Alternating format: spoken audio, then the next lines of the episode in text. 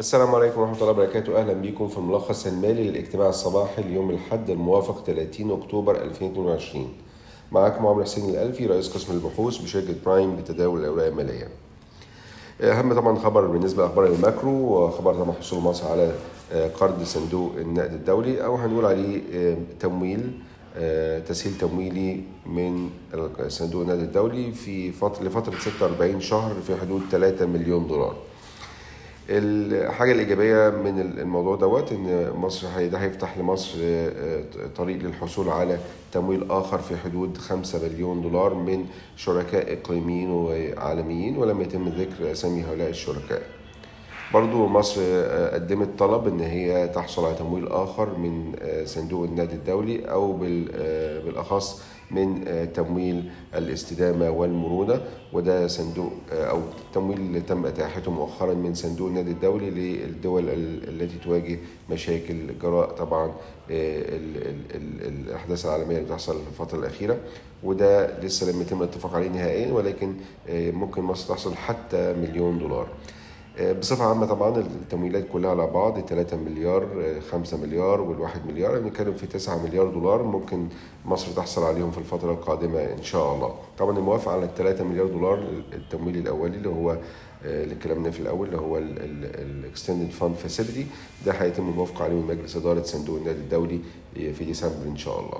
طبعا ال 3 مليار دولار ده كان رقم يعتبر أقل من توقعات السوق يعني أعتقد توقعات السوق أو إحنا على الأقل توقعاتنا في برايم كانت ما بين 5 ل 7 مليار دولار ولكن إنه يفتح لي الباب لتمويلات أخرى بجانب ال 3 مليار دولار. ده ممكن يبقى في حد ذاته حاجة إيجابية. طبعا إن يكون إن الخبر نفسه يتم الانتهاء منه لأن طبعا بقى لنا شهور مصر بتحاول تتفق مع صندوق الدولي على هذا الأمر. ويمكن شفنا يوم الخميس واتكلمنا عليها الخميس إنه كان في إجراءات من قبل البنك المركزي باتباع سياسة سعر الصرف مرنة لفترة طويلة أو فترة دائمة.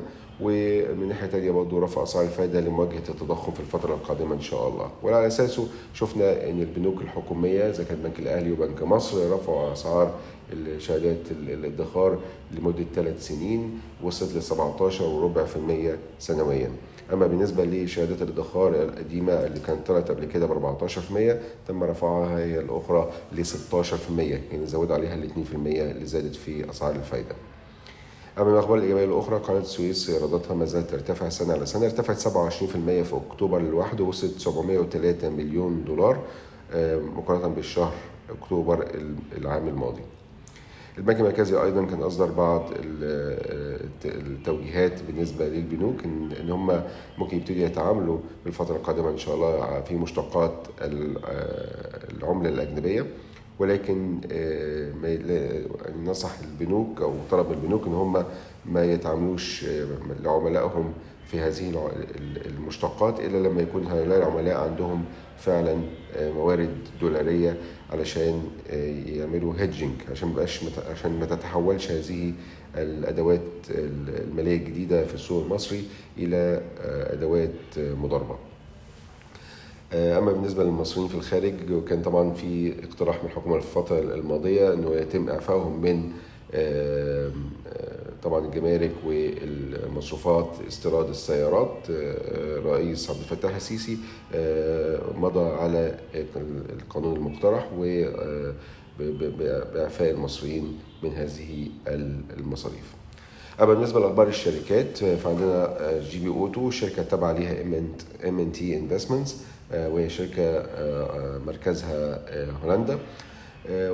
مضت مع شركة تابعة ل Chimera Investments طبعا زي ما إحنا عارفين Chimera Investments دي اللي كانت استحوذت في الفترة الماضية على حصة حصة أغلبية في Beltone Financial Holding المهم MNT Investments اتفقت إن هي تبيع حصة ل Chimera Investments حوالي 22% تقريبا الحصة.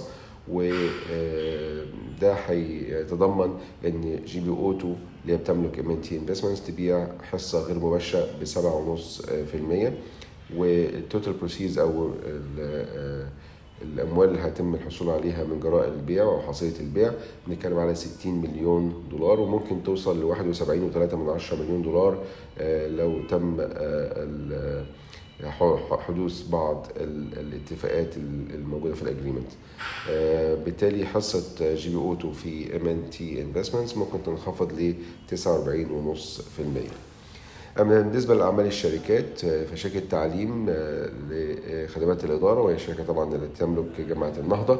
آه، طبعا الميزانية بتاعتها بتقفل في سبتمبر حققت آه، أو عفوا في أغسطس لأن هي آه، شركة تعليمية آه، حققت ارتفاع في الأرباح بحوالي 24% ل 230 مليون جنيه بعد ارتفاع الإيرادات ب 3% فقط 618 مليون جنيه وصلت له ولكن بالرغم من انخفاض هامش مجمل الربح شفنا إن هامش الابتداء أو الأرباح بالفوائد الضرائب والإهلاك والاستهلاك ارتفعت آه، ارتفع الهامش ل 57% نتيجة انخفاض آه، يعني معدل المصروفات العمومية والإدارية للإيرادات.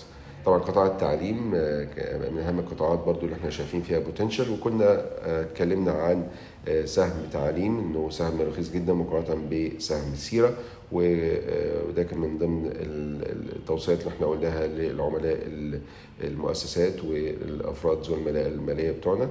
آه، على أساس إن إحنا شايفين في mispricing ما بين تعليم وسيرا وتعليم ما زال في upside potential آه، شركة أموك أيضا آه، أصدرت نتائجها للربع الأول 2022 2023 وحققت فيه أرباح آه، 346 مليون جنيه وده ارتفاع سنة على سنة 78% آه، طبعا نتيجة ارتفاع الإيرادات ب 60% هامش الربح يمكن انخفض نسبيا حاجة بسيطة من 10% وصل ل 9% ولكن طبعا ارتفاع الأسعار عالميا والدولار طبعا بيساعد على- في هذه المرحلة يعني بيساعد.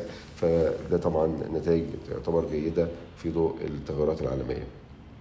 شركة الشمس للإسكان والتعمير أيضا عملت ارتفاع في الأرباح بتاعتها. آه، وصلت آه، في التسع شهور وصلت ل 141 مليون جنيه مع ارتفاع الإيرادات ب 66% ل 289 مليون جنيه. آه، وأخيرا وليس أخيرا CI Ratings أحد المنظمات أو آه، وكالات الجدارة الائتمانية أو التصنيف الائتماني آه، حددت آه، التصنيف بتاعها لبنك CIB عند BB آه، نتيجة طبعا آه، قوته المالية الأساسية وحاطط البنك أيضا ك outlook ك stable outlook ونظرة مستقبلية مستقرة. دي كانت أهم الأخبار النهاردة. شكرا لكم والسلام عليكم ورحمة الله وبركاته.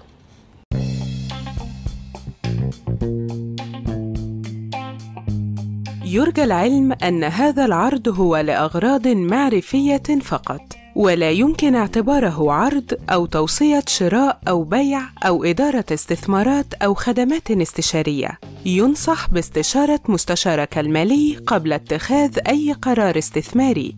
الأداء التاريخي ليس مؤشرا يعتمد عليه لتحديد الأداء في المستقبل.